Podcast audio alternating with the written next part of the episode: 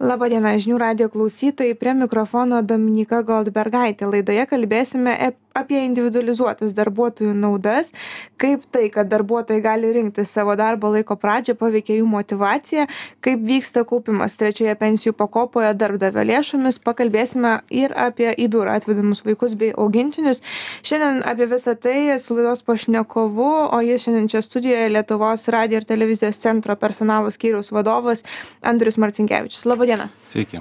Tai gal trumpai papasakokit apie savo darbuotojus, kiek jų turite, e, kiek platus spektras, kuo jie užsiema. Tai mūsų įmonėje trumpiau, trumpesnių pavadinimų telecentre dirba apie 150 darbuotojų ir jų ir vairovė yra labai didelė. Turime nuo praktikantų, kuriem 18 metų, iki darbuotojų dirbančių visą gyvenimą mūsų įmoniai, kurie ir į pensiją greičiausiai išeis iš mūsų įmonės, tai tas spektras tikrai labai didelis. Ir išsilavinimo požiūriu taip pat turim nuo darbuotojų dirbančių paukščių tako virtuvėje, sakykime, TV bokšte, kur turi tik tai pagrindinį išsilavinimą, iki mokslo daktarų, kurie, sakykime, jau tikrai turi sukaupę didelį žinių bagažą tai tada galim ir kalbėt apie apie tai kaip motyvuoja tą platų spektrą darbuotojų. Suprantu kad ir tų priemonių individualizuotų kiekvienam darbuotojui yra skirtingų. Tai gal ir e, visų turbūt neišvardinsim ar ne kiek kiek mačiau ir ir ką rašėte. Tai e, bet trumpai individualizuotos darbuotojų naudos kuom tai skiriasi nuo tiesiog visų tokios bendros motyvacijos?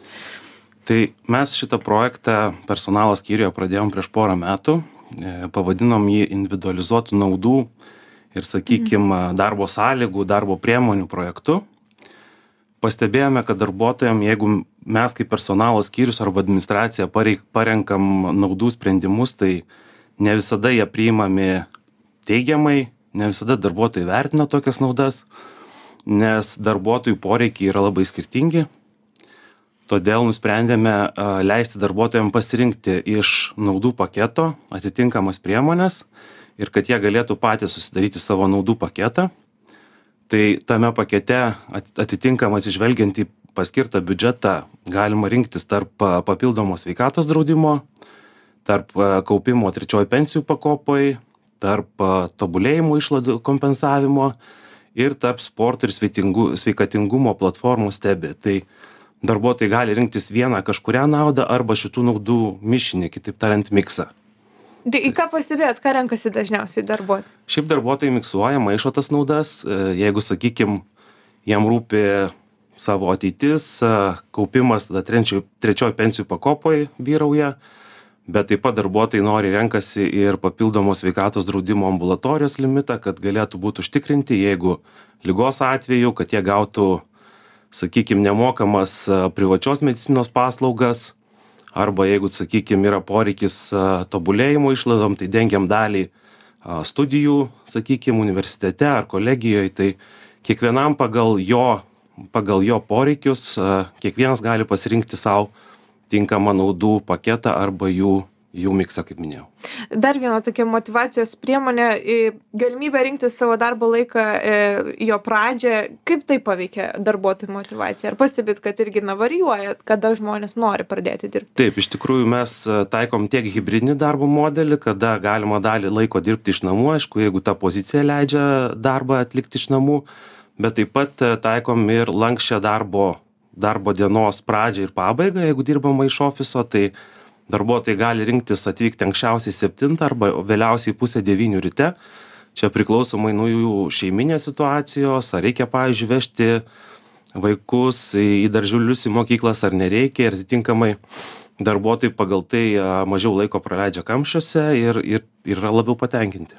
Ir trečia tada irgi dalis kurią norisi aptarti tai padiskutuoti apie biurą atvedamus vaikus ir augintinius apie ką pradžioj laidos e, užsiminiau. Tai kaip jum pavyksta sukurti tokias sąlygas kad lyg ir vienam e, biure visi priemami? Taip iš tikrųjų turim ir darbuotojų vaikams skirtą kambarį kur gali sakykim darbuotojai atvesti savo vaikus po po pamokų ir pralei jie ten praleidžia tinkamą darbo dienos laiką.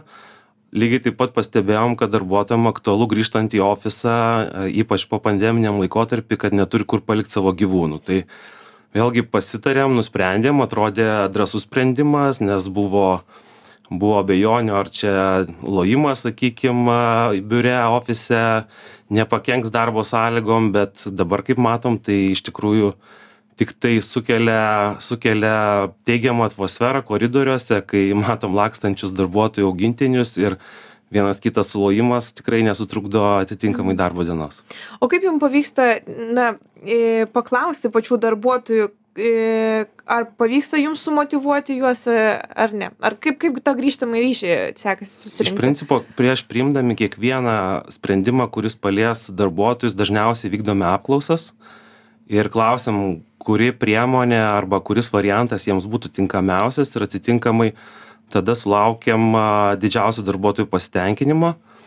Taip pat kiekvienais metais vykdom darbuotojų įsitraukimo tyrimą, kuris ypač po šio projekto, po individualizacijos projekto parodė, kad tikrai darbuotojai yra labai įsitraukę ir, ir, ir to tyrimo rezultatas pastaruosius porą metų viršija kablelis du balo iš penkių galimų. Tai tikrai labai aukštas rezultatas.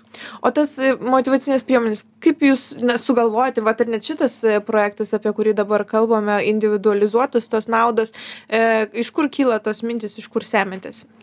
Iš principo tai pirmiausia kalbame su darbuotojais kaip minėjau darom apklausas Taip pat tiesiog patys savo uždavėm klausimą iki tol, sakykime, iki šio projekto, na, mes kaip darbdavys įsivaizdavom, kad geriausiai žinom, ko darbuotojams reikia, bet, bet po to, pavyzdžiui, kad ir elementari darbo priemonių, tokių kaip mobilių telefonų keitimas, kuomet leidom darbuotojams pasirinkti modelį, gamintoją, spalvą, netgi tokia paprasta priemonė atrodo suteikia darbuotojams didžiulį pasitenkinimą, nes vienas nori raudono kitas nori šviesiai violetinio vienas nori sakykim apple gamintojo kitas nori samsungo. Tai pagalvojom na iki to laiko atrodė kad darbinis telefonas turi būt korporatyvinės juodos spalvos jie turėtų būti arba vienodi arba sakykim vadovam kažkokie geresni o o specialistam kitokie. Tai nu nutarėm kad visi darbuotojai vienodai svarbūs ir ir jų poreikiai taip pat gali labai skirtis ir ir sudarėm galimybę rinktis vat būtent netgi ir tokias paprastas darbo priemones kaip e, mobilus mhm. telefonas bet tas aprūpinimas geromis ar norimomis tokios ko tokios spalvos kaip norisi kartais e, darbo priemonėmis tai prisideda irgi kažkaip prie motyvacijos e, kad ir kompiuteriai ir telefonai tikrai taip mhm. tikrai taip pavyzdžiui skaitomiausia šių metų žinutė intranete ir buvo apie mobilių telefonų keitimą kad jau atėjo laikas juos keisti ir kad bus galimybė pasirinkti kokį nori modelį ten atitinkamai prisidėt kažkiek savo lėšom jeigu tas modelis yra kažkoks su superinis ypatingas. Tai žinutė kaip minėjau intranete buvo skaitomiausia tai tai parodo ant kiek darbuotojai yra tokiais klausimais e, įsitraukę kiek jiem tai yra svarbu. Tai ir pabaigai tada užduosiu klausimą kur visiem pašnekovam užduodam tai kodėl svarbu yra motyvuoti savo darbuotojus kokią grąžą tai duoda? Iš principo svarbu yra todėl, kad e, mes konkuruojam labai intensyvioj darbo rinkoj. Visų pirma, mūsų kompanija yra technologinė pagrindė, tai yra konkuruojam IT, inžinierinių specialybių rinkoje, tai atitinkamai mums svarbu yra tiek išlaikyti esamus darbuotojus, tiek e, pritraukti naujus talentus. Tai, tai pirmiausia, šie, šie du momentai šie du momentai mums leidžia teigti kad darbuotojų motyvacija yra tikrai labai svarbi. Na ir atitinkamai pats darbuotojų efektyvumas kai darbuotojas darbo vietoj yra patenkintas įsitraukęs tai atitinkamai jisai ir ir daugiau laiko praleidžia ir dirba žymiai efektyviau tai dėkoju jums kad atvykot šiandien pasidalinti savo patirtimi. Žinių radijo klausytojams primenu kad eteryje kalbėjo lietuvos radijo ir televizijos centro personalo skyriaus vadovas andrius marcinkevičius. Prie mikrofono buvo dominyka goldbergaitė. Likite prisijungę iki kitų kartų